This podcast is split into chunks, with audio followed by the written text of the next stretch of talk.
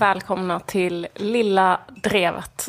Veckans avsnitt börjar nu. Jag heter Liv Strömqvist och med mig på det här lilla kontoret med utsikt över Triangeln har jag två av södra Malmös allra mest älskade poddprofiler. Ta inte i nu. Jonathan Unge. Hej. Hej. Hej. Ola Söderholm. Hej. Hej. Eh, den nya budgeten ligger och puttrar i sin gryta.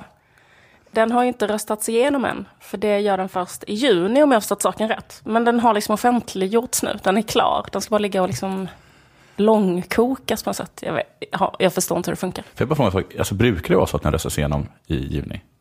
Det är himla konstig månad att rösta igenom en budget i. Varför? Men det är precis innan semestern, tänker jag. Då vill man väl få det gjort liksom. Men då blir det ingen debatt om den efteråt då, för då har alla gått på semester. Men budgetdebatten har redan varit, och den var ju liksom förra veckan. okej. Så liksom, eh, har varit en debatt i riksdagen om budgeten. Och eh, det allmänna snacket om den här nya då, rödgröna budgeten är att det är Vänsterpartiet som är vinnaren. Har ni hört det? Mm, det har jag hört. Det finns väl ett gemensamt intresse av det eh, bland dels Vänsterpartiet, vill gärna framställa sig som vinnare och eh, alla borgare vill ju framställa de superläskiga kommunisterna som att det är de som styr Sverige. Just det. Skrämselpropaganda. Precis det var lite grann stämningen under budgetdebatten när då flera allianspolitiker eh, utmålar den här budgeten som en rent eh, vänsterpartistisk budget. Folkpartisten Erik Ullenhag sa till exempel så här när han debatterade mot eh, vänsterpartisten Ulla Andersson. Jag vill med lite blandade känslor börja med att gratulera Ulla Andersson. Därför att Vänsterpartiet har återigen visat att de är väldigt skickliga förhandlare. Eh, det var som jag sa i replikskiftet med Miljöpartiet, att Miljöpartiet valde visitkorten och tjänsterummen och eh, Vänsterpartiet valde att få in påverkan på politiken. Det är alltid kul med smicker. Ja. Eller, eller är det det? Eller? Man vet inte med det här smickret. Det är lite obehagligt smicker. Eh, Moderaten eh, Ulf Kristersson sa så här till Magdalena Andersson. Jag noterar finansministerns speciella tacksamhet till Vänsterpartiet för den fina budgeten. Syrligt och iskallt. Eh, Det var till och med en moderat eh, riksdagspolitiker som sa att det var toksocialism det här med att eh, trappa ner rotavdraget. Det var ju en moderat riksdagsman som sa häromdagen att det var toksocialism det där att trappa ner rotavdraget. Det var Fredrik Furtenbach. Eller Thomas Ramberg. Det är Furtenbach. Furtenbach. För helvete. Förlåt. Den, den bättre av de två, skulle jag säga. Jaha. Tycker Thomas Ramberg är det största stolpskottet i Sveriges Radios historia. Va? Men nu är du bara en eh, billig provokatör här. Absolut inte. Det är jättekonstigt att han kan utmåla och gå ut offentligt med att Göran Persson ska bli utrikesminister och sen sitta kvar på sin post. Ja, Han har gissat fel en gång för... Superpinsamt. Ta ditt ansvar. Och du tar ditt ansvar. Men vad bra att du har den här podden som forum och dra upp det. Det är faktiskt framförallt därför jag är här. Den här avgå Ramberg-kampanjen Ja. som går halvbra. men, ja just det, men det där med att det, det tog socialism att trappa ner rotavdraget alltså. Precis. Det, Vi känner igen det från Ceausescus Rumänien. Jag bara frågar, är det något mer citat Vi som Ramberg att, kanske har gjort? eh, Måste bi- skämskuddarna på öronen. Ja, nej, Nej. det är slut med Okej. Rambergs citat. Bra. Man tror ju ofta att de här bilderna från Rumänien med så här utmejlade barn, Mm. att det kommer från barn. Men många är ju bara på eh, snickare med F-skattsedel. som efter det här nedtrappningen av rotavdraget. Det var precis därför. Sen bodde de i katakomber och sniff, sniffade lim för att De var tvungna att äta upp sina egna F-skattsedlar. för de hade ingen annan mat. Bredde smör på dem. mm, just det. åt dem till frukost. Eh, Det känner vi till. Men nu tycker jag att man är lite spänd på att liksom ta reda på närmare så här, vilka förslag är det egentligen som V har, då har fått igenom i budgeten? Eller hur? Eh, Så jag läser då på Vs hemsida och då skriver de att det de har fått igenom är bland annat eh, pengar till äldreomsorgen, pengar till förlossningsvården samt två förslag som Jonas Sjöstedt i Ekots lördagsintervju eh, lyfter upp och tycker är citat väldigt fina. Men vad kan det vara för, för liksom väldigt fina förslag undrar man ju nu. Eh, som då Alliansen också tycker vill måla ut som någon slags eh, fruktansvärd vänsterpolitik. Är det att Jonas Sjöstedt ska avskaffa monarkin? Ska han tvångsomskola Victoria och Madeleine till undersköterskor och tvinga dem att jobba i offentlig sektor? Undrar man ju nu. Ska de evakuera den skånska adeln från sina gods och herresäten och istället upplåta deras herrgårdar till EU-migranter? Obligatoriskt kulhål i nacken på alla i, i överklassen, medelklassen Ska och stora EU delar av arbetarklassen. Ska EU-migranter få sådana gustavianska möblemang som har varit i den skånska adelns ägor i generationer? Ska de dela ut dem eh, till dem och låta dem ha dem i sina eh, läger? Eller, ja, skit i det. Eh, vad är det för väldigt fina reformer undrar man? Och som jag tycker väldigt fina reformer som att barn ska ha rätt till glasögon och till mediciner. Och bara som är lite konfunderad över det här, för att gratis glasögon till barn låter inte som toksocialism i mina öron, utan toksocialism skulle vara att ta alla barn med glasögon och skicka dem på ett arbetsläger för att man tänker att de är kontrarevolutionärer. Okej, men de har alltså alltså bara bytt rotavdraget till en sorts optikbidrag. Ja, Men det kanske bara är ett sånt första steg i en Pol Pot-politik att Vänsterpartiet vill se vilka som kommer ta de här gratis glasögonen. Så att de vet sen vilka som är hotet mot Ja, revolutionen. vad smart. att det blir liksom, att man kan upp, upp eh, Ja, ja, ja. det blir första steget till att ha sånt register, glasögonregistret, som man aldrig vet när man kan få användning för. Men det var som det- Mao gick ut med det här, låt tusen blommor blomma. Och sen så skrev han upp alla som blommade. Gjorde han det? Ja, hade ihjäl dem. Det är ett, bara, det är ett lockbete. Få och kartlägga den intellektuella borgerliga klassen. Ja, just det. Men min poäng är liksom att den här hysterin kring Vänsterpartiets inflytande i budgeten är lite fånig tycker jag. Men en annan sak som är fånig är Vänsterpartiets stolthet över sitt inflytande i budgeten. Därför att, eh, vad fan är det? Vadå gratis glasögon till barn det och mediciner? Det hade ju liksom vilken liksom sosse som helst kunnat genomföra. Va- Det är så konstigt fokusområde. Nu tar de över efter åtta år med högerpolitik, har chansen att liksom vända skutan, visa att de har en annan idé, de har en annan ideologi, de har en annan vision. Men liksom är det eh, eh, verkligen en annan ideologi, vision, bla bla bla, de här jävla reformerna? Är det verkligen att vända skutan? Man kan väl säga att vi vänder skutan. Eller? Kan man säga det verkligen? Kan man verkligen säga det? Just det där verkar jag inte beredd på, men annars måste man kunna glädjas åt de små segrarna också. Eller? Det är liksom den här uh, konstiga, fåniga stoltheten att vi har vänt skutan med det här. Jag, jag tycker det känns... Uh, alltså jag vet inte, jag kanske minns fel, för jag har också superdåligt minne. Men jag uppfattar inte glasögonbärande barn som liksom en utsatt grupp under alliansens styre. Eller var det så att det var liksom barn med synfel som fick, eller barn utan synfel som fick alla de här skatteavdragen? Reinfeldt stod och skrek i riksdagen så här, ett femte skatteavdrag för barn med superbra syn. Vi behöver incitament för att barn ska uppmuntras att se bättre. Om man bara ger dem glasögon, då kommer de liksom inte att kämpa tillräckligt hårt. Nej, precis. Att det inte liksom... Um det är inte så här där som man liksom slår till för att rasera hela bygget som Alliansen Sverige. Det var inte en bärande, Pelaren. det var inte en bärande pelare. Skadar vänsterns glädje sossarna? Alltså är det, är, är det du och sossarna nu som är sura på vänsterns glädje? Ehm, Alltså är det negativt? Tror du att de, finns det någon spinndoktor nu som försöker få vänstern att inte vara så självgoda? För att det, går, det, det, det drar ner dem i träsket. Men det är ju att vä- vänstern går ju i fällan om de blir självgoda. Man går på det här spinnet och säger att oj vad ni har vunnit nu, nu har ni verkligen, verkligen vunnit. Oj vad ni vann. Och sen så ska man Ni kan sluta springa nu, Ja. när ni har kommit i mål. gratis glasögon. Okej, det blev väl världsrevolutionen som vann då. Men, för, fråga med det här äh, glasögonbidraget, är det alltså bara fattiga barn som får hjälp att köpa glasögon? Nej! Alltså alla barn? Alla barn. Om det, om, om det åtminstone hade varit så, vi tar glasögon från rika barn och ger dem till fattiga barn. För nu, då är Det det, hade varit verkligen... ett Vänsterpartiets förslag. Då- Men det här var så här, ja, vi bara ge, ska bara ge glasögon till alla. Och sen tar vi bort något annat. Liksom, så bara, himla taskigt att ta pengar från rika barnen. Men det är ju det är väl ett så här Det är ändå klassiskt... fortfarande barn vi talar om. Men, men, det, men då är det verkligen ett, ett rotavdrag ju. Kan man säga, fast för optiker. Ja, men det är väl mer kanske då att, eh, alltså det man skulle kunna säga kanske mer vänster är så här, folk kan inte välja, de kan inte hjälpa om de har dålig syn. Då ska inte familjer med eh, barn med dålig syn liksom bli mer belastade än vad de redan är. Den skammen de redan känner, den misslyckandet att de ser på sitt barn, att det ser skitdåligt.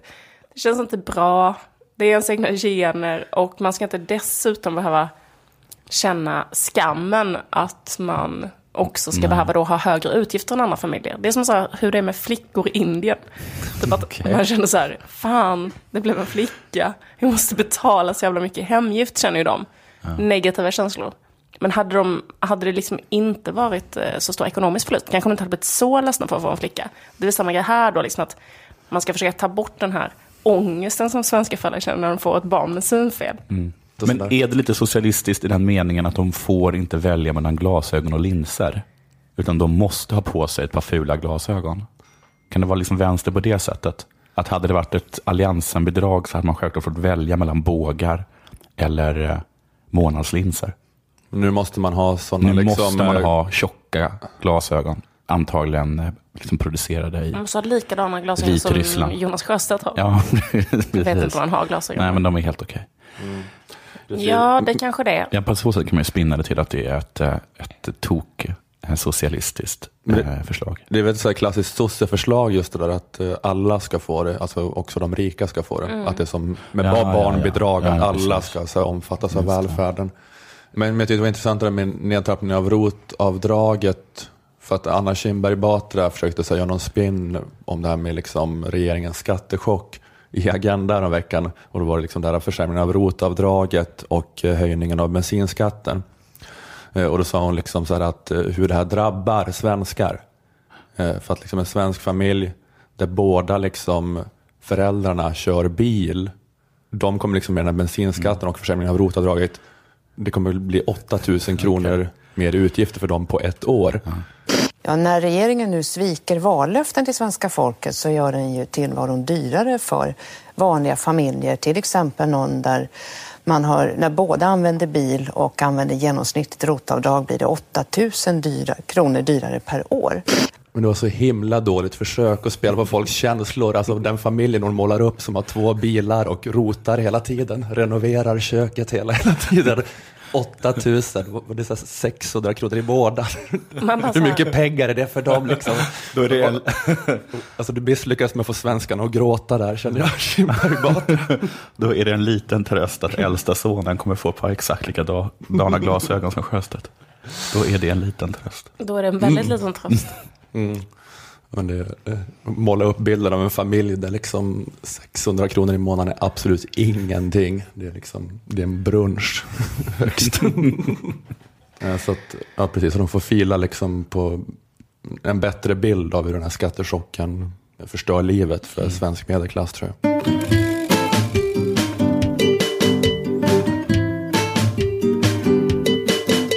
Gustav Kasselstrand och William Hane har nu mött sitt Poltava.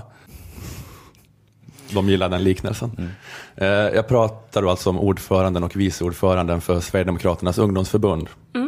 Eh, Partiledningen har uteslutit dem för att de är ideologiska avvikare enligt partiledningen och för att de är för stiliga i pikétröjor enligt dem själva. Att de upplevs liksom som ett hot. Eh, Att partiledningen bara bevakar sina positioner. För att partiledningen vill behålla de här fina lönerna de har och behålla det här med att gå på möten i, i riksdagen där det är gratis Ramlösa och bullar. Och de, har, de, har, de har ett gott liv. Ja, hur mycket här, pennor och block som helst. Ja, därför krossar de liksom alla tendenser till maktkluster som börjar gro. Det var ju så de själva tog över en gång i tiden från ungdomsförbundet. Ehm, Can't play a player. nej, precis, precis. Det har varit ett så här, eh, misslyckat fadersmord här. Mm. Pappa var så stark. ja, men vad än anledningen var så uteslöts då William och Gustav eh, i måndags, Ja. pl- plus ett gäng andra. Eh, Och det som anfördes som anledning till uteslutningarna eh, presenterade partisekreteraren Richard Jomshov på en presskonferens. Man har alltså godkänt NU-aktivisters dubbelanslutning. Det har handlat om dubbelanslutna medlemmar. Då, menar, då syftar vi på de som varit dubbelanslutna i både SDU och, och i NU. De finns i NU och en av dem som, som förbundsledningen har känt till har ju varit en av de mest framträdande och ledande eh, figurerna inom NU. Nordisk ungdom. Precis, det var mycket med ännu. Jag visste inte vad det var. Inte? Du var inte ännu med ännu. Nej, men han sa, han sa aldrig ut det en enda gång i hela presskonferensen. Det var bara ännu, ännu, ännu. Så fick jag luska lite grann och kom fram till ja, det måste vara Nordisk ungdom. Ja. De tydligen skäms över att de heter Nordisk ungdom. För att de startades när de var unga. Och nu är alla 39. ja, det var inte genomtänkt. Nej, det var inte genomtänkt. De, de, har sagt, de, de har faktiskt sagt till um, Expo att de tycker att det är lite fånigt. Vi kan ge Expo det i alla fall. Men det var ja, precis, att det, men det är lite sånt där med mobiloperatören 3. Att Ja, de borde, precis. borde inte ha döpt sig efter den Nej. senaste tekniken Nej. och tro att det aldrig skulle utvecklas. Det kommer alltid bättre teknik. Fyra nu. Ungdomen är det bara en fas. Ja, men jag, tycker att, jag fick lite känslan av att Richard Jomshof är lite för van att röra sig i miljöer där olika vikt, maktgruppers bokstavsförkortningar är common knowledge. Det är bra att tänka på för SD om de vill framstå som ett parti bland andra. Att tänka på att till exempel Folkpartiet nog inte är ännu med Nordisk ungdom på det här självklara viset. De säger ut i alla fall en gång i början av presskonferensen, Nordisk ungdom, sen kan man gå över till ännu. Nu gör jag ett så här ohederligt och PK-media-case, sådana som SD, känner sig förföljda av. Hitt- Vi kan hitta de mest kreativa sätt att kleta vit makt på SD. Han sa ännu istället för Nordisk ungdom under en presskonferens. Artikel i Expo. Eh, Men skillnaden är ju nu att de har börjat göra det här på sig själva. De har börjat gå Expo på sig själva. Alltså ledningen gör sådana här tidningen Expo-avslöjanden eh, och så här rasist-shamanden utav Hane och Kasselstrand. Att ni har haft personer i förbundet som haft samröre med Nordisk ungdom. Och Nordisk ungdom kan vi säga då är någon slags SD på 90-talet-aktig grupp. Mm, och Det anses inte okej. Och Kasselstrands första kommentar var väl att, eh, att nu, vi nu blir utsatta för den vänsterpropaganda vi blir utsatta av från vänstern. Sa att jag, jag har inte liksom varit med om, eh, det här är värre än de värsta attackerna jag fått från någon vänsterextremist. Och då har de ändå blivit, om jag minns i alla fall, någon gång bundna i en stol. Har Kasselstrand blivit det? Nej, men, var inte det? men SD har väl blivit det. Det här säger något väldigt dåligt om vänstern. De har inte kunnat göra någonting värre mot honom. Eh, ja, men jag tänkte faktiskt också på det, att det kändes lite som att så här, man väntar lite på att det här skulle hända efter typ Uppdrag granskning har gjort programmet eh, SDUs kopplingar till NU. Men eh, de liksom gjorde skopet och grävet själva. eller hur? Ingen visste väl att SDU, eller jag menar, en vanlig medborgare visste väl inte att SDU hade massa dubbelanslutna alltså. Det var ju inte något som var... Eller det var för ingen som trodde att det tapeten. var ett problem. Nej, eller, men det är liksom så här att eh, det här, har ju, det här caset har ju journalister kunnat göra hela, hela Ja, tiden. och det har inte fått något som helst. Och, det är så här, eller, och SDU-arna har ju liksom nu försökt försvara sig då genom att gå Expo tillbaka på ledningen. För att det är ju så lätt att göra Expo-case mot Sverigedemokrater. Att, eh, att det liksom är en dubbelstandard, att de här liksom skälen för uteslutning finns i partiledningen också, solklart ifall man le- Alltså alla har det här, det är bara liksom när man väljer att lyfta upp det på något sätt. Ja. Kasselstrand skrev så här på Twitter och syftade på ett uttalande av styrelsemedlemmen Jonas Åkerlund. Eh, citat, ironin i att eh, personer som uttrycker att 500 000 av de värsta parasiterna ska skickas hem utesluter mig som ideologiskt avvikande. Hashtag LOL. Jag, jag funderar lite så här, varför gör SD så här? Det verkar ju jobbigt. Eh, och jobbigt att så här, utesluta de här då som vill ha ett jättestort följe liksom, och ha dem utanför som någon slags liksom, vildar resten av sina politiska karriärer. Men jag funderar på om det kanske är så att eh, eh, Sverigedemokraterna i hemlighet drivs av stiftelsen Expo. Hur menar du då? Jag menar För att att det, de ska ha något att skriva om? att det är Stig Larsson-böckerna som betalar för alla Heja Jimmy-t-shirts. Ja, okej. Men behöver, det känns som att de har så mycket pengar som Expo så behöver man inte ens, man behöver inte ens motivera sig. Nej, men jag menar inte för att, nej, inte för att de ska ha något att skriva om, utan Nej. jag tänker att i, i Sverigedemokraterna i hemlighet drivs av människor som är för en generös invandringspolitik. Varför det?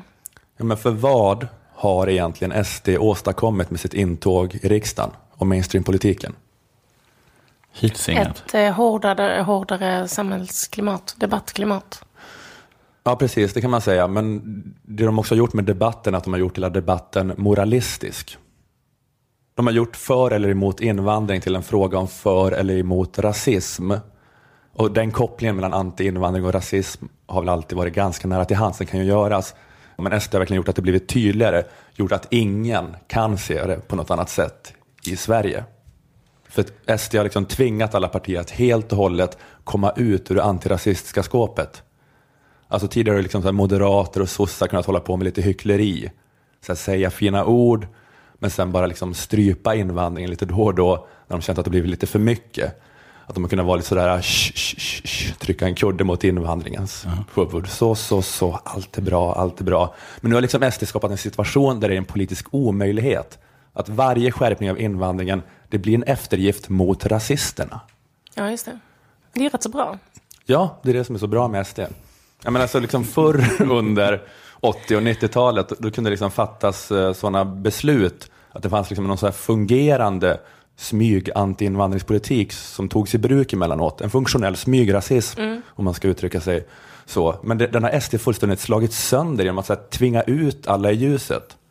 Har fullständigt slagit sönder den. Men... Nej, men, Nej, men de nej, har ju liksom men- förstört den där äh, grejen om att man, eh, det svenska sättet att en svensk tiger, att en svensk sköter saker eh, under bordet. Mm. Att det där äh, att det inte var liksom, eh, att när, de, när SD ställde sig upp och sa vi kan inte anställa folk i burka. Mm. Så vill man plötsligt, men det var ju ingen som hade anställt någon i burka. Vi hade bara inte gjort det. bara inte gjort men det. ska ni prata Men om. nu så är jag ju tvungen att anställa någon i burka. Hade ni bara hållit käften så hade det här inte varit ett problem.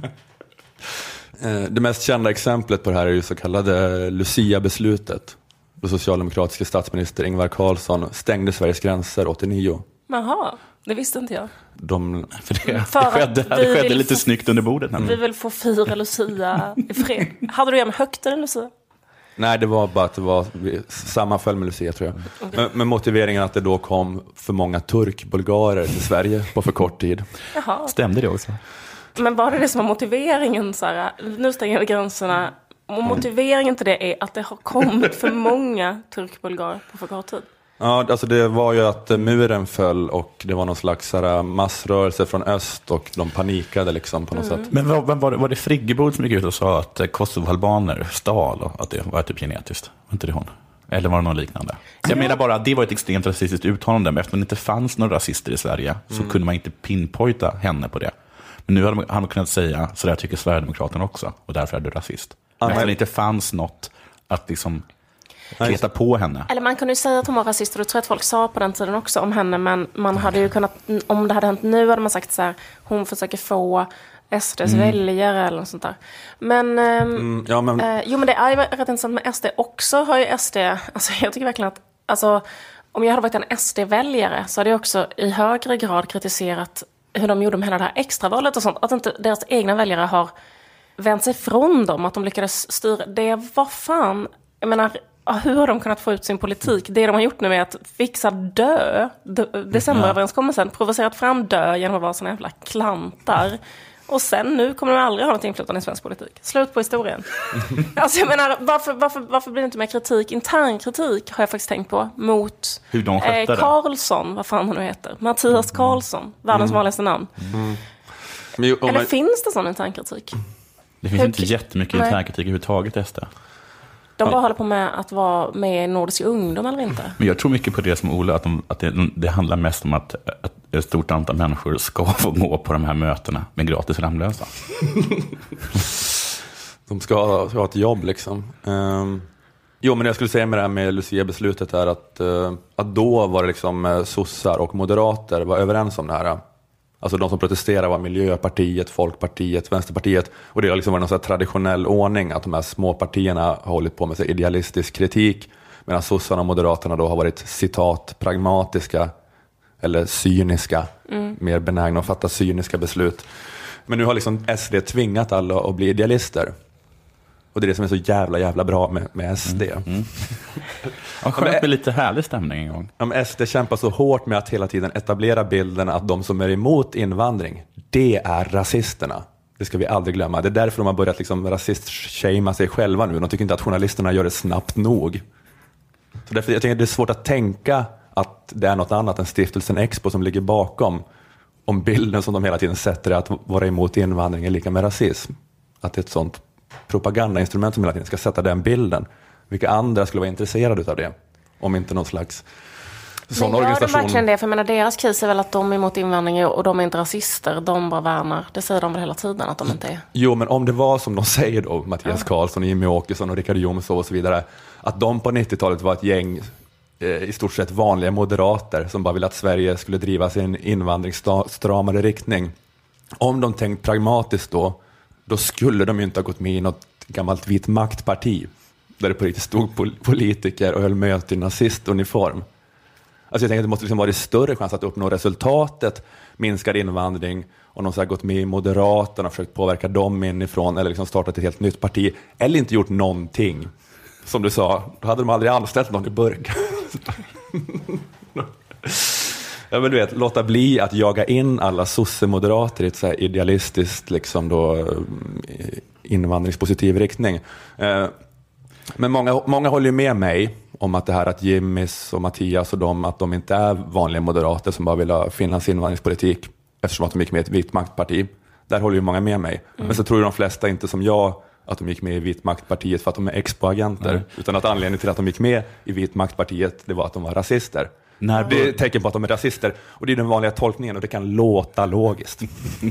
man går med i ett rasistparti för att man är rasist. Men jag lanserar nu alltså teorin att de gick med i SD på 90-talet för att de vill liksom att Sverige ska ge fler flyktingar skydd. När började Stig Larsson planera det här? Det måste väl varit kanske en, samtidigt som det bildades, 88 och sånt där. Bevara Sverige svenskt. De liksom ska ha monopol på eh, så här, någon slags konservativ invandringspolitik, tänkte han. Ehm, Smart. Ja, men, ja, men att, de, de ville helt enkelt att det här liksom supertydliga rasiststämplade partiet skulle ha monopol på invandringsmotståndet för det skulle leda till en motreaktion från de andra partierna och fler flyende syrier skulle få skydd. För alltså, liksom, när avsändaren är så smutsig, alltså det är så sjukt dumt om man verkligen är intresserad av att vilja minska invandring, att, att välja den avsändaren. För att det är så att skita ner ståndpunkten maximalt. Alltså om de enda som driver frågan om minskad invandring är nazister, alltså det är lite som om den enda som driver frågan om fri abort är änglamördaren. om det bara var Anders Eklund-partiet som gjorde det. Och även om så här, Anders Eklund-partiet inte liksom är lika radikal som i sin så här, sjuka barndom, då, då, då det hade ståndpunkten att abortgränsen skulle vara tio år. Nu är det mer moderata, de vill bara att man ska ha döda barn fram till 18 veckan, som i Finland. Men ändå, folk hade känt att det var oskönt, folk hade känt att det inte hade trovärdighet, och det här partiet på grund av sin historia, och därför hade de kanske velat vara emot abort helt och hållet, bara för att distansera sig. De hade gjort någon sorts eh, Så de skulle ha haft bättre självkännedom. Jag som är så jävla smutsig ska bara... Det bästa jag kan göra är att Ja, exakt. tyst om allt jag själv egentligen tycker. Nej, men det, det här är, det är en lite sjuk tanke, jag kanske inte borde tänka den, men, men det är ändå något som gör att jag inte kan låta bli att tänka att det är på grund av SD som Sverige har liksom en så relativt generös invandringspolitik nu de senaste åren. Och jag fattar liksom att horder av människor får avslag i Sverige och att det kanske är osmakligt att överhuvudtaget kalla något generöst när det gäller EU med tanke på vad som händer på Medelhavet. Men allt är ju relativt. Alltså jämfört med andra länder och jämfört med Sverige förr så tas det emot liksom fler flyktingar per capita här och nu. I och för sig vet jag inte ifall det kanske också att det är en större andel som får avslag nu. Att det tas emot fler i absoluta tal, men det är för att det är så jävla, jävla många som flyr. Jag vet inte om ni kan de siffrorna. Men jag vet inte, hur är det med, med Syrien? Vad var det? För, först fick de inte stanna, men nu får de det, eller? Ja, Syrien får väl uppehållstillstånd. Ja, jag, vet inte. Men jag, kan ju inte, jag skjuter ju från höften, jag kan inte bevisa det här, men jag tänker att det är inte helt osannolikt att tänka sig att det är så här, att hade det inte varit för SD så hade liksom de här maktbärande partierna smugit med lite mer. Alltså gjort som de själva gjorde förr, eller liksom anpassat asylreglerna efter hur deras systerpartier i Europa gör. Alltså självklart egentligen tror jag det kommer vara dåligt på lång sikt med SD. Det kommer inte vara härligt liksom, för, för invandrare. Men det finns, det finns fan en del som talar för att på kort sikt har fler syrier fått skydd i Sverige senaste åren för att SD funnits. Än hur- liksom hur många som hade fått om de inte hade funnits. Eller? Eh, vad tycker ni? Vad tycker Ramberg? Jag har en teori om varför eh, William Hahn och Gustav Kasselstrand är så dragna till nazismen. För att de, jag tänker så att de har ju så, alltså det går ju inte att säga, det enda man tänker på med de två, det är att de har så fruktansvärt hög panna. Jag vill liksom inte säga någonting om det mer, men det är liksom exceptionellt. Man tror att det är något fel på ens bild liksom, på tv, det är så sjukt. Men det signalerar nazist för dig? Ja, men att då tänker de så här. Det är inte så kul kanske att se ut så. Nej. Vad är den enda ideologin som kanske någon gång sagt något positivt om hög panna? Rasbiologin. Har Och då de, tänker jag att man skulle se liksom lite med, med liksom, li- att det är lite, lite förmildrande omständighet. Kort panna var ju en sån dålig grej. Lång panna. Hur, jag är en människa med norra Europas längsta panna. vad ska, vad, det Hur är ska en jag idiot kunna- om jag inte röstar. Jag ska kunna... Jag är en idiot om jag inte... Om jag inte... Jag måste se, se efter number one lite ibland också. Men du, är du liksom en agent som är på motsatt sida nu? att du är liksom förklädd, förklädd till någon slags här vänsteraktivistisk person, men, men du liksom väljer att eh, mobba dina politiska motståndare på ett så lågt sätt så att folk ska få sympati med dem istället. Är det avpixlat som köper alla dina böcker? Skissat upp. Just det. Det är avpixlat och subventionerat, alla, alla serieteckningar. Alla, de har en sån eh, tankesmedja för feministiska serieteckningar. För mig signerar jag alltid breda höfter på män nazist. Jag Jaha, läste nog att någon, vad heter han, Heinrich, han hade så himla breda höfter. Och det som gjorde att han blev nazist, för han skämdes så mycket för. Så då är det precis tvärtom. Det är folk med lyten som är nazister. Ja, men bara det jag säga, att, att kanske är det så att det är Mattias Karlsson som skriver på en ny uppföljare till Millennium-trilogin. Mm. För att få in mer pengar till liksom den här viktiga kampen. Ja. Att, eh, att invandringsmotståndet alltid ska vara liksom maximalt rasiststämplat. Bara för, bara för full tran, den fulla transparensens skull så har jag ganska breda höfter. Men jag, jag kämpar. Jag kämpar emot det. men vad finns det för skäl att vara mot invandring u- utom att man är rasist? Det är dyrt. Ja.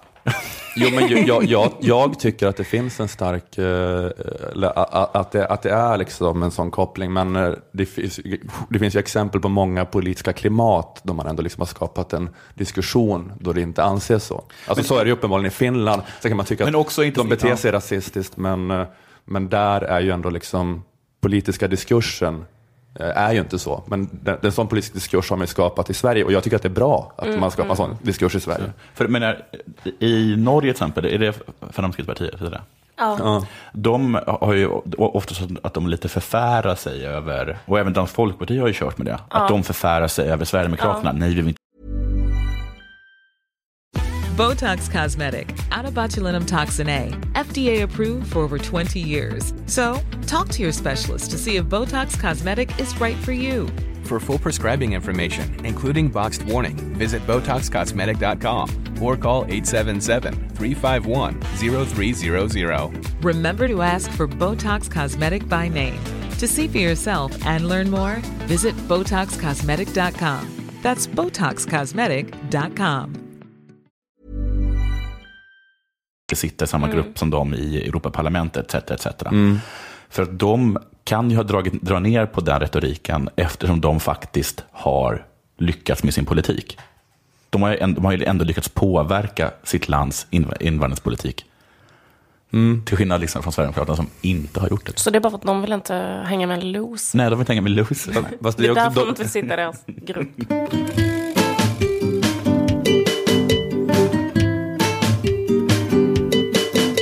Ebba Busch Thor har blivit vald till Kristdemokraternas partiledare. Ja. Mm. Till eh, min och många stora glädje. ja. Jag tycker hon är skarp och ursnygg. Jag kommer uppehålla mig lite vid hennes utseende ett slag och sen kommer jag kommer vara ett mellanspel och sen kommer jag återkomma till det. Hon är så himla himla snygg. Eh, det är inte för inte som hon varit lite hemligt förälskad i henne. Inte för inte som vem? Du. Jag och man. Träffade Det henne här är ett sånt eh, kontroversiellt man. Ja, precis. Inte sådär, Nej, nej. häng med. nej, precis. Nej, jo, jag är med.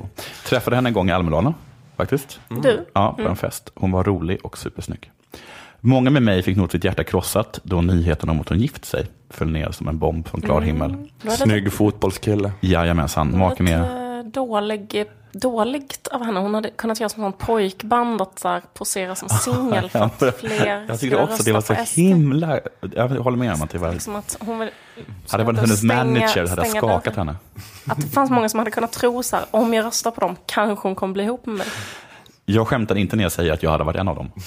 Maken är Niklas Thor och för er som inte vet det så kan jag avslöja att han ser urbra ut. Huggen ur granit. Ja, faktiskt. Han är en professionell fotbollsspelare så han lär ha en killing bud, som det heter. Jag vet inte hur han ser ut. Mm, Men jag får ta er på orden. Då kommer jag beskriva någon här. Ljus, gärna. lite rufsig i håret, skägg, men inte så det stör. Ett käkparti man kan slå ihjäl flodhästar med. Tror jag att ungefär att ni förstår vad jag talar om. De väntar barn, namnet vet vi inte, men av föräldrarna att döma så kommer barnet se riktigt, riktigt bra ut. Ni är också ett vackert par, Ola och Liv. Men jag tänker på hur mycket fulare ni är jämfört med paret Busch Thor. Då blir jag arg på er. Det är inte med ert fel, men jag blir arg. Ja, ja, så kan det vara. Hur som Man kan helst. inte styra över känslor. Nej, man, man kan faktiskt inte göra det. De, är, de är, är inte logiska. Jag tycker att det är fint att du vänder in och ut på dig själv här då och visar upp det som inte är vackert också Ja. ditt känsloliv. Ja, precis. Även om det gick ut över mig den här gången. Ja, så är det nog. Eh, hon, kast, hon, eh, hur som helst, hon blir alltså vald och så kastas hon in, hon kastas direkt in i hetluften. Och manglades av medierna, eftersom det var lite oturligt nog så var den här partiledaren i SVT-programmet. Var precis, det kanske inte var så mycket otur, men hon var i alla fall med där. Och där De fick hon, har en så lång intervju med alla partiledare. ja, om, precis, om, eh, deras ideologier, tror jag att det är. ja, det ska inte vara så här dagspolitiskt Nej. utan Nej, ideologin. Ja.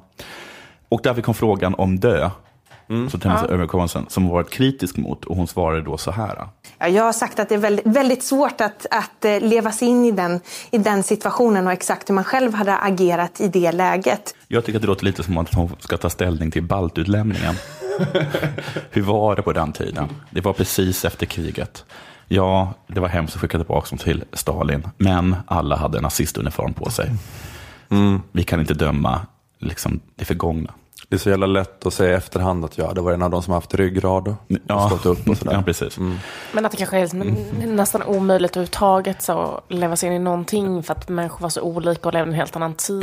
Och, Ja, precis. alltså att Man- man, just det, man- kanske inte ens, det är som att prata med en annan art nästan, att prata med någon som levde liksom på... Ja, Göran Hägglund stod ju där liksom då i december och Jan Björklund skrek åt honom. Vad hade du gjort? men, men lite som att man, då får man verkligen sätta på sig liksom glasögon, den tidens glasögon, som då alltså inte var Sjöstedts glasögon, utan den tidens glasögon, och liksom titta ur liksom en prisma som signalerar 2014, december. Liksom. Det var en annan tid. Ja. Män var Cyk- män och cyklar- kvinnor var kvinnor. Cyklar med jättestora framhjul. Ja, precis. Eh, men där hon eh, godkände på sätt den. Och det, hon framhöll också att det var, det var, vad skulle man göra annars var man tvungen att, eh, att eh, liera sig med, eh, med Sverigedemokraterna. Så där stämmer ju din teori, som vi hörde tidigare. Mm. Hon blev också pressad på den här, eh, heter den samvetsfrågan? Vad heter den? Samvetsklausulen? Vad heter det? Det här med att till exempel att läkare eller barnmorskor som är emot abort ska få slippa att Ja, just det. Jag vet inte vad de Vad heter, men jag förstår vad du menar. Det heter någonting Ja. att, att ehm, man själv ska någonstans få bestämma det, typ, eller sådär. Ja, jag ger inte en bög vatten till exempel. På restaurang. På- För det är väl samma sak, antar jag? Jag, jag tänker inte ta med handskarna när jag torkar hans tårar. Nej, Men, precis. men, det, ja, men, men hon är för det här med att uh, sådana som liksom är av religiösa skäl inte vill utföra aborter ska få slippa Ja, det precis. och, Och där jobba, har hon- jobba i vården ändå. Precis, och där har han ju tagit, har han ju, vet, tagit ställning i den här eh, frågan som brukar komma upp från SD-håll. Han ville inte skaka min hand för att jag var kvinna på grund av att han var troende muslim. Är inte det helt sjukt? Den borde ju ingå då under den här samvetsklausulen. Då. Alltså rätten till att inte behöva ta i någon av motsatt kön. Ja, det. Om det är religiöst Det, det, grundat. det begränsar en som sjuksköterska då kanske. Ja, men, Alltså, man har rätt att få jobba på en abortklinik Ja, med abort bort. och Men- ändå men göra känna från fall till fall. eh, men varför det på hur- Facebook? Vad säger mitt samvete idag? Så kanske man pendlar lite. Jag söker det här jobbet, jag utbildar mig till det, jag jobbar där, jag sitter där, men jag känner kanske då där och då att det inte är min grej ändå. Ja. Ja, men det är lite så. tror jag. Och så fick hon bli pressad lite på det här med abort i allmänhet. Och det var, var någon som sa, jag tror att det var Lena Melin, eller Mellin som du uttalar hennes namn, eh, Liv, som sa att det som är så härligt med Ebba är att hon är så oerhört, att likt SD är så oerhört tydlig i sin politik. Heter hon inte Mellin? Ja, hon heter Melin. Jag, liksom, jag tror att det är för att jag associerar henne med en sån liten eh, Pojke. eh, hob i Sagan om ringen. Att de heter så här Mell och Mellin? Toll och Tollin. Det var och, Frodo och Sam och Mellin. Nej, men, eller är det dvärgarna som heter sånt? Nej, Eh, nej. Tott och Tottin, Hopp och Hoppin, Mell och Mellin. Ja, fantasy-nörden i mig vill bara strypa dig. Finkalibrerat mobbningsinstrumentet idag. Ja, men du är faktiskt en sån fruktansvärt så mobbare. duktiga och fina. Kommer du ihåg den gången då jag försökte förklara för dig den här uh, Gansen stilen germs-teorin för dig? Och du bara, det som gjorde Europa överlägset alla andra. Och du vann genom att kalla det för ök-teorin. Alltså att bara för att Europa hade ök, Alltså kor och hästar som kunde dra saker. Jag kommer faktiskt ihåg det här. Ja, det är den här boken av Ehm, Jared Diamond. Vet inte vad för någon virus, den är ju fantastisk och Ja. jag är helt på din sida Ja. Jonathan. Liv har lyckats få den att heta ök-teorin, så det är ingen som köper den här. Mm, det är svårt för någon annan att komma ihåg det här eftersom det var en konversation som inträffade för det en gång när vi själva i ett kafferum. Så kanske inte ha den känslan, det kanske inte finns i folksjälen nej, på det nej, sättet. okej, precis. Men om jag tar den här grejen då, Mm. att du inte förstår vad det är som är bra med Beatles, så tror jag att eh, de breda folklagren kan elda upp sig över det. Eh, fortsätt, vad var det du Fortsätt. pratade om? Men vad, det var någonting med... Nej. Ja, Men Lena Melin sa att hon var tydlig. Hon är så otroligt, hon är så tydligt, alter- hon är så tydligt högeralternativ, hon är så tydlig vad hon står Mm. för, till, då till skillnad från alla andra, men framför allt då kanske till Göran Hägglund. Men det som är, men det är, jag tycker inte riktigt det stämmer, för på, på något sätt så är hon, hon är tydlig med sin politik, men hon är också väldigt tydlig med, den, med att hon inte kommer föra den politiken.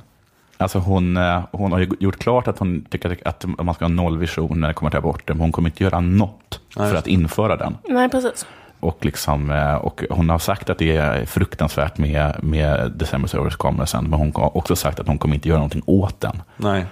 Så att det, det är, hon är väldigt tydlig med vad hon tycker, men också väldigt tydlig att hon absolut inte kommer göra någonting av det hon tycker. Nej. Hon är en sån sjuksköterska Mm. som skulle kunna eh, liksom Ja, vara mot abort men ändå utbilda ja, sig hela vägen. Samvetsklausulen är inget problem för henne. in i abortkliniken. Det stoppar inte Ebba Busch. Vidareutbilda sig till olika kurser. Bara jobba på. Det är svårt att bli just Ja, ja. abortsjuksköterska. Ja, Hon Det. är väldigt tydlig med att hon inte tycker rätt med abort, men gladeligen kommer hon att skapa Utför, det. hon skulle utföra en abort själv. Absolut. Mm, på vem som helst. Ja, på vem som helst. Väck henne mitt i natten. Nåja, ja. Och där alltså vårdnadsbidraget fick hon frågor om och sådana saker. Vem man skulle välja mellan eh, Tea Party-rörelsen och Obama. Vilken en konstig fråga. Mm. Det är för att hon har stöttat Palin tidigare. Den enda frågan där hon blev ordentligt ditsatt, det var på den här frågan. Men du dricker alkohol i alla fall? Jag tror på konceptet I drink but I don't get drunk, om det är viktigt att veta. Nu var det för sig en konstig fråga, men det var också en lögn. Jag har som sagt träffat henne i Alvedalen och hon var superfull. Vidare. Alla är vinnare. Riktigt? Ja. Bra. Inte superfull då, men hon var i gasen, så kan vi säga. Det kan ju vara så att hon skulle säga att hon var hög på den heliga anden eller på livet. Men så hög på den heliga anden eller på livet är ingen.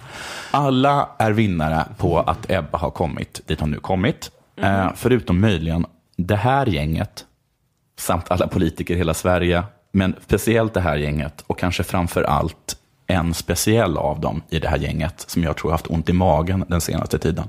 Vi kan väl lyssna på när de välkomnar Ebba. Hej Ebba och stort grattis till ditt nya uppdrag. Vi kan tyvärr inte vara med dig på plats idag, men vi vill hälsa den här vägen till dig. Välkommen till vårt lilla gäng. Vi har ju väldigt roligt ihop. Vi tycker vi kompletterar varandra väldigt väl med våra olika egenskaper. Eller egenheter kanske man också ska säga. Håll käften Annie. Ser ni vad snabbt det vänder? Direkt känner man så. Ebba kommer äta upp den här tjejen. Ebba är allt Annie inte är. Framförallt mycket mer cool. Få personer blir utcoolade av en kristen, men Annie blir det, så det svänger om det. Då ska ni ändå veta att jag gillar Annie. Tänkte du innan att Annie var den coola i alliansen? Ja, men, ja, precis. men det är jag också är lite mer, jag kommer komma till det. Och ju mer, hon ju mer Annie försöker sälja in den här alliansen, ju mer gräver hon ner sig i den här töntgruppen. Vi vet ju att eh, Kristdemokraternas hjärtefråga handlar om familjen. Och vi är lite som en familj. Vi reser tillsammans, vi tillbringar tidiga morgnar och ibland riktigt sena kvällar. Ibland är det lite smågnabb, men för det mesta så har vi väldigt roligt. Ja, jag tycker att hon framstår lite som den tråkiga systern i det här gänget. Som tycker om att det är kul att hänga med mamma och pappa. Ja. Eh, Alltså, de hon försöker- är liksom, är inte det lite provokativt av henne? För KDs hjärtefråga är inte familjen, alltså i meningen Nej, nej, alliansen nej, kan vara sant. familj. Nej, precis. Eh, Hon, Vad som helst kan vara en familj. Jan Björklund kan vara min pappa. Så är Annie. Hon är väldigt normkritisk när hon säger att hennes familj är att, att det är allians. men tror du att det här är en liten kniv i, i ryggen? På, på? Alltså ett Jag vet inte, men hon, stick liksom? det är i alla fall väldigt eh, radikalt Ja. av Annie Lööf Mm. att se Jan alliansen som är närmre Ja. Familj, att Ja. blodsband betyder Ja, så lite. in i helvete lite för henne. Välkomna till den här regnbågsfamiljen. Ja, men det, det är just att Ja. för KD gillar familjen, men de gillar absolut inte familjen som metafor. Nej, Någon som- nej. Vi är familjen, är, tokiga på att folk använder det. familjen är familjen. De klarar inte av att lyssna på bandet familjen. Heller, för det är en person. För Annie är bandet familjen lika mycket familj som hennes barn som hon bär på. Uh, Okej, men det är inte bara Annie. Hela det här gänget ser liksom för tokiga ut i den här videon. Uh, Barta ser ut som Big Bird och Björklund är jättekort. Alltså det spelar inte så stor roll. Man kan se ut som man ser ut. Men det är liksom mot den här eh, Ebba. Man liksom tänker att Ebba Busch står där bakom så ser alla liksom jättefåniga ut och är också lite fåniga. Björklund.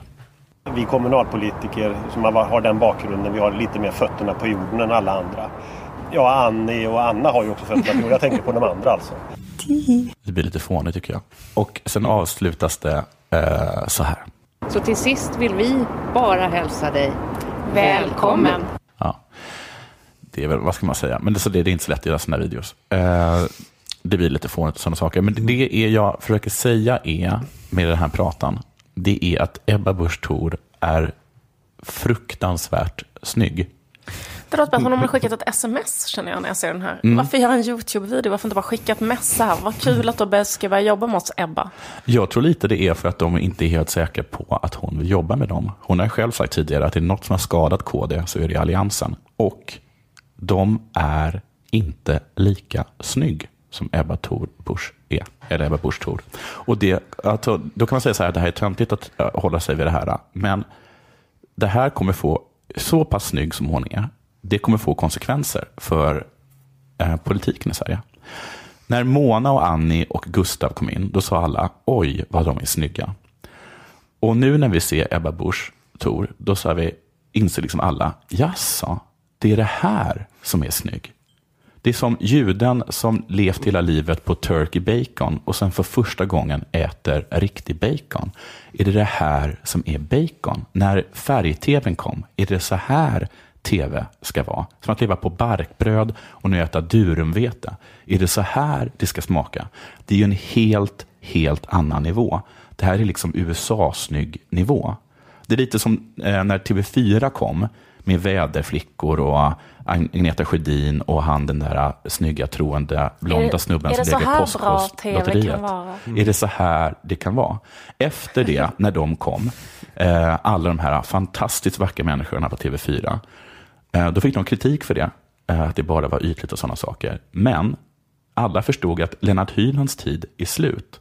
Lars-Gunnar Björklund kommer aldrig, aldrig kunna vara i tv längre. Olsberg är liksom nu på kanal 7 och det ska man vara glad för. Det går inte att ha så fula människor när man är så snygg. Så du tror att hon kommer att få 60-70% av rösterna nästa val? Och... Nej, men jag tror liksom att det finns ingenting att göra. Alltså, våra politiker kan inte vara så fula som de är nu, bara på grund av det här. Det är lite som man säger, som, om jag får citera de omutbara. If, uh, if someone draws a knife, you draw a gun. If uh, they send one of your boys uh, to the hospital, you send one of his boys to the morgue. Det går inte att hålla på och kämpa med knivar när någon har en pistol. Jag, kan bara, jag jag vill bara säga att vi har nu kommit liksom till den USA-nivå. Att folk måste se bra ut. There's no looking back. Nej, och det har liksom ingenting med... Sluta prata engelska, båda två. det finns bara, man kan, man kan, man kan ja, det, är liksom, det går inte ens, det är inte, behöver man inte ens diskutera det. Alltså, björklundar kommer inte finnas. Du kan inte vara lika lång som en smurf, alltså tre äpplen staplade på varandra. Cromagnon-människan är här, Björklund. Ja. Ayla. Det blir som när Ayla ja. var början av boken, när Ayla fortfarande var med eh, neandertalarna. Ja, men de, de har ju nu, senaste tiden så har de ju diskuterat det här, varför dog neandertalarna ut? Mm. De var tydligen lika smarta, eller smartare än Homo sapiens. Mm. De var bättre byggda Mm. eh, och de hade typ en bättre kultur. Vad var det som gjorde att de dog ut? Mm. De var för fula. Men grejen att de Nej. låg ibland med Homo Det är sapiens. Det är också sådana saker som har kommit fram. Ja. Så att Homo sapiens var inte så jävla nogräknade alla kvällar. Ibland låg de med neandertalare. Men det är några procent neandertal som vi i Europa har i oss. Ja, det, är bara, det är bara i Europa. I alla andra länder så finns det inte ett spår Nej, av jag, tror, neandertalare. jag får med att det är alla förutom afrikaner som har Okej, spår av okej, neandertalare. whatever. Men eh, eh, Det är som när tvn kom, hur det förändrade liksom politiken i, i, i USA. Att, att John F Kennedy kunde vinna mot Nixon i radio. Och jag får mig att det var någon som möttes. nej, Nixon vann i radio. Nixon vann i radio, ja. Men i han förlorade i tv. För att han var svettig och ful. Han var svettig och ful, Men ja. han hade bättre argument utan de som bara lyssnade på radio. Ja. Alltså det är en sån nivåskillnad i snygg mellan Ebba och allt annat som någonsin visats upp på den politiska scenen. Det, det man säger att Eisenhower var liksom innan tv-eran var den sista... Den sista fula presidenten. Ja, precis. Han var, den Ja, sista, han, var den sista, han var också den sista skalliga presidenten. De, de har bara haft presidential hair alla sedan dess. Tjocka hårsvall sedan tv-eran. Men, um, ja, men att jag tänkte, det var det här Platon syftade på när han gjorde den här grottliknelsen. Att vi har bara sett skuggorna på grottväggen. Och nu Exakt. kommer Ebba, Ebba vänder på sig så får vi titta på Det här världen. är en kvinna. Ni. Det var exakt det jag menade. Men du tror inte att det kommer bli så som det är för Ayla i? Att, för då är det ju så här, hon är med, eh, Ebba är med Alliansen Ja. och Ayla är med Neandertalarna. Mm. Och då är Ayla så här. Ayla tittar sig själv i liksom en sån spegelblank sjö och är så här, åh nej vad ful jag är, mina ögon är så enorma och djupt blåa och mina ögonfransar är så långa och min panna är så hög och mitt hår är så blont och lockigt. Åh, jag önskar att jag hade en kort panna, jag önskar att jag hade underbett, jag önskar att jag var treplen hög, jag önskar att jag var rödhårig och så vidare. Att eh, hon kommer känna så här, det är mig det är fel på. För att jag borde se ut så här. Vi kan ju hoppas. Men jag tror, jag tror att det blir någon sorts... Att alla, som det som jag utgår ifrån att alla neandertalare gjorde när de såg en Cro-Magnon-människorna. Att det blir en sorts strömhopp över en klippa. Liksom. Men det här, och förlåt att jag frågar, för Ja. lite, det här är alltså inte den stammen med enorma, enorma penisar? Eh, alltså Cro-Magnon, eller i, i, I, i, i folk. folk? Mm, Jag tror, blandar du ihop det med isfolket? Det kanske jag gör. Det vore typiskt mig. Ja men isfolket, det är inte en stam de är enorma penisar. Det här är verkligen ett sidospår. Men det är mer någon sån eh, satans barn. Som är så här, kanske det finns en, kanske en släktförbannelse av att det blir en otroligt sexig man slash varulv. Som också råkar ha så här fruktansvärt stor sexuell förmåga. Röva bort pigor från byn. Som blir sexigt våldtagna slash riktigt bra knullare. Jag har bara läst en men... Men vadå, isbjörn, vadå, är isfolk inte samma sak? Isbjörnens folk. Men är isfolket inte samma sak som, eh, som, Som- Ayla? Det är helt, helt, helt olika... Grottbjörnens folk och sen Isfolket. Sagan om Isfolket är en norsk kvinna som har gjort. Hon har skrivit 47 böcker om Isfolket. Hon skriver kanske en i månaden. Margit Sandemo. Skit i det. Ja, ja, men det var det jag hade.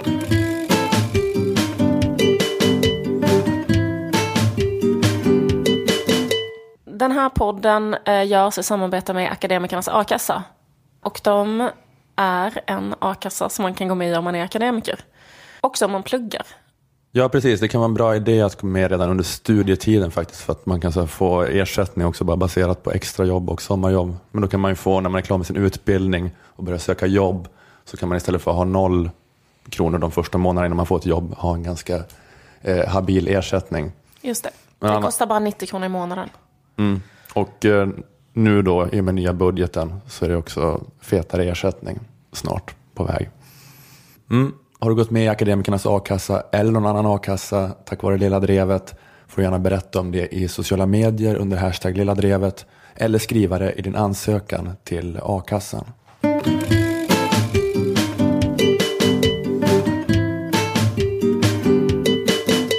Alla vi som har fördomar mot killar som håller på med löpning fick vatten på vår kvarn i förra veckan.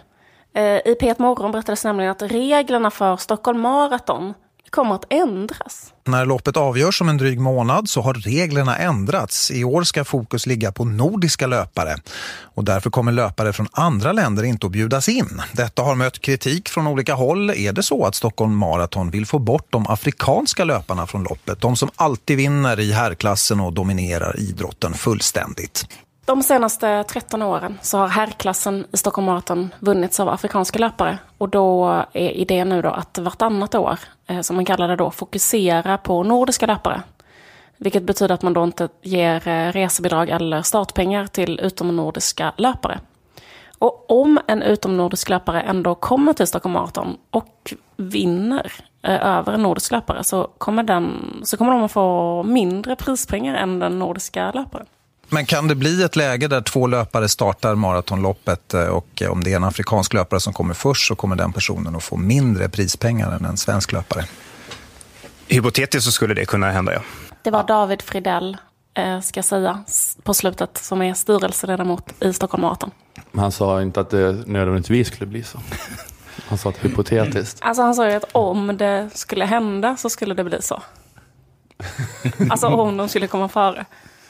Jag tycker bara liksom att det är lite olyckligt, eller det är synd på något sätt, med de här ändringarna i regelverket. För att det liksom redan finns rätt så mycket fördomar mot vita killar som håller på med löpning. Alltså jag har inte sådana fördomar, men jag bara menar liksom att det florerar så mycket sådana fördomar i samhället. Redan liksom kring den här gruppen, att de inte behöver mer av den här typen av... Att de behöver inte mer av den här typen av... Folk ska skriva på det här sättet. Mm. Den här typen av nyheter. Ja men att de är så här lite att de är så här lite mammas gossar. Ni vet. Alltså att deras föräldrar... Curlare liksom. Ja men de har haft lite väl höga tankar om dem. Ingen har sagt riktigt till dem så här. Du, du springer inte så jättesnabbt. De eh, kanske har hört det någon gång men liksom de har liksom, de kanske sitter på en fest, mal någon hemmasnickrad andlig teori om löpningens själ. Mm. Då är alla runt om så väluppfostrade så det finns liksom ingen som säger sanningen så här. Du, du är en idiot, du springer dåligt. Det är liksom en, ja men det, det är liksom en lite för välmenande samhällsklass runt omkring dem. Och mm. för snäll förälder. Alltså jag menar inte att det är så, jag bara menar att det finns många sådana fördomar. Det och det blir så tråkigt att den här typen av nyheter liksom spelar de fördomarna i händerna, som vi ju alla egentligen vill bekämpa. För det vill bara säga att just i det här fallet så är det ju exakt så. Ja, det är det jag menar. Ja. Att det blir så jävla dumt då liksom att Stockholm Marathon då ska fortsätta att curla den här typen av män, att de ska liksom ha samma inställning som en helt gränslös förälder. Alltså att de, det blir som när man känt att de svenska löparna säger så att det är styrelsen. Jag vill faktiskt vinna Stockholms maraton. Jag tycker inte det är kul att vara med om inte jag får vinna. Och då säger liksom Stockholms maratons styrelse så här. Men självklart ska du få vinna Stockholm maraton, lilla gubben. Var, var inte ledsen. Bara inte du är ledsen. Mm. Eh, vi ordna så att du vinner Stockholm Marathon. Var det det du sa att du ville? Sa, vi förbjuder de afrikanska löparna, vi gör det. Och vet du varför? Mm. För att vi älskar dig precis som du är. Du behöver inte ändra på något. Du behöver inte ens springa fort. Ja, men för jag har inte varit med i någon löptävling sedan jag var, kanske var 8-10 år gammal. Men då var det ju det där att eh, alla fick en guldmedalj, mm. även den med astma som kom sist. Mm. Liksom. Att, men jag visste inte att det här fortsatte inom löpsporten, att det aldrig tog slut i någon ålder, Nej. utan att det bara fortsatte och fortsatte. Och sen blev jag lite förvånad när jag lyssnade på det här radioinslaget, för då förstår jag liksom att Stockholms Maratons styrelse har gått ännu längre. För de är så här, det känns som att de har haft det här samtalet med de svenska löparna och sen har de sagt så här, vet du vad vi gör? Vet du vad vi gör? Så att du ska bli riktigt glad. Vi säger att den som vinner får 200 000. Vad sa du? Sa du 250? Okej, men då säger vi 250, men inte mer än 250. Då får du 250 000 om du vinner. För, för, för nu är det också så att det ska finnas då 250 000 kronor i prispengar vikta då till just nordiska löpare. Och det här är tydligen då en väldigt exceptionell satsning. Men tyvärr så tror jag att Stockholm Marathons styrelse kommer att råka på liksom problem. Sådana problem som alla curlingföräldrar råkar på. Nämligen det här problemet att när man skämmer bort någon för mycket så blir det bara svårare och svårare liksom att plisa dem. Och det problemet blev väldigt tydligt när Johan Wallerstein, tidigare löpare på långa distanser, bjöds in i P1 Morgon och hade liksom en lite oväntad kritik mot styrelsens ordförande David Fridell och eh, Stockholm Marathons eh, stora exceptionella satsning på nordiska löpare. Men sen, sen så säger du att det är en stor satsning och eh, du menar 250 000 kronor då till i prispengar. Är det det du syftar på?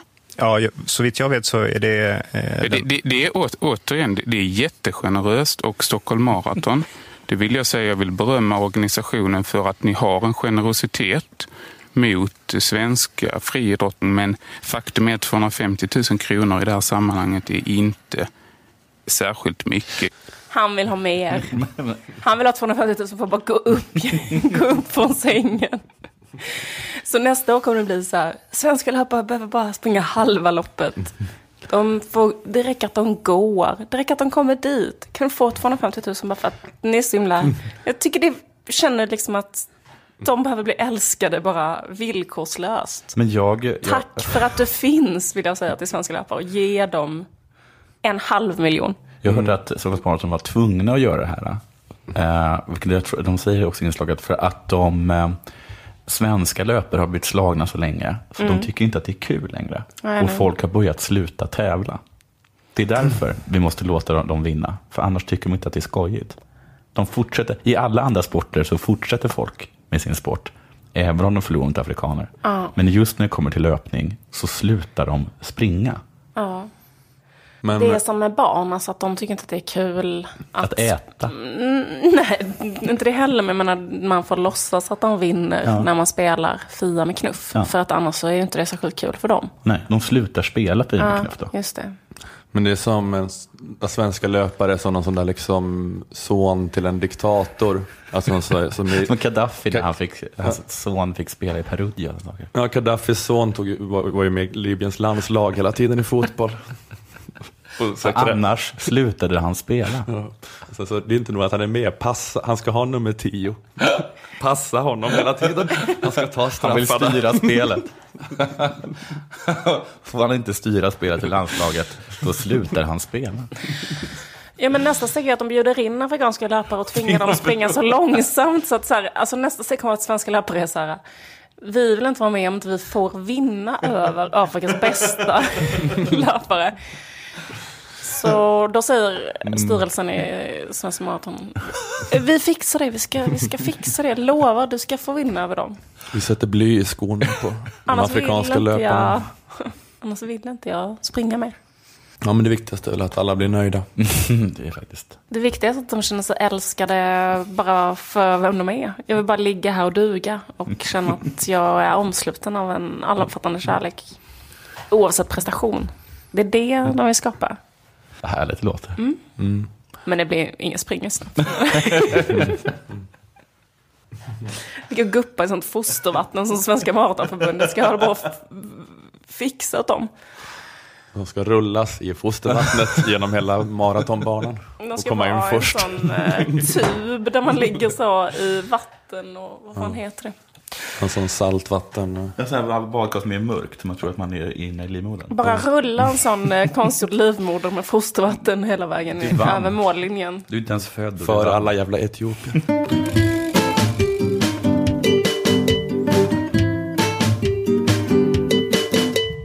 Jag och eh, Kringlan är ute och turnerar med vår standup-turné Ömhet. Det är slutsålt överallt i, i Göteborg och Stockholm. Så kul för er som har biljett. Det ska bli kul att träffa er här närmsta veckorna. Eh, Men den enda föreställningen vår som inte är slutsåld är Uppsala eh, 6 maj. Så jag vill bara tipsa om den. Han pratar som den eh, killen som innan var känd som Kringlan, men som nu är känd som Per Ström Esberg. Mm. Ni får också gärna äh, äh, köpa biljetter till Sämst, föreställningen på, på söndag. Den är också slutsåld, så när på 300 biljetter.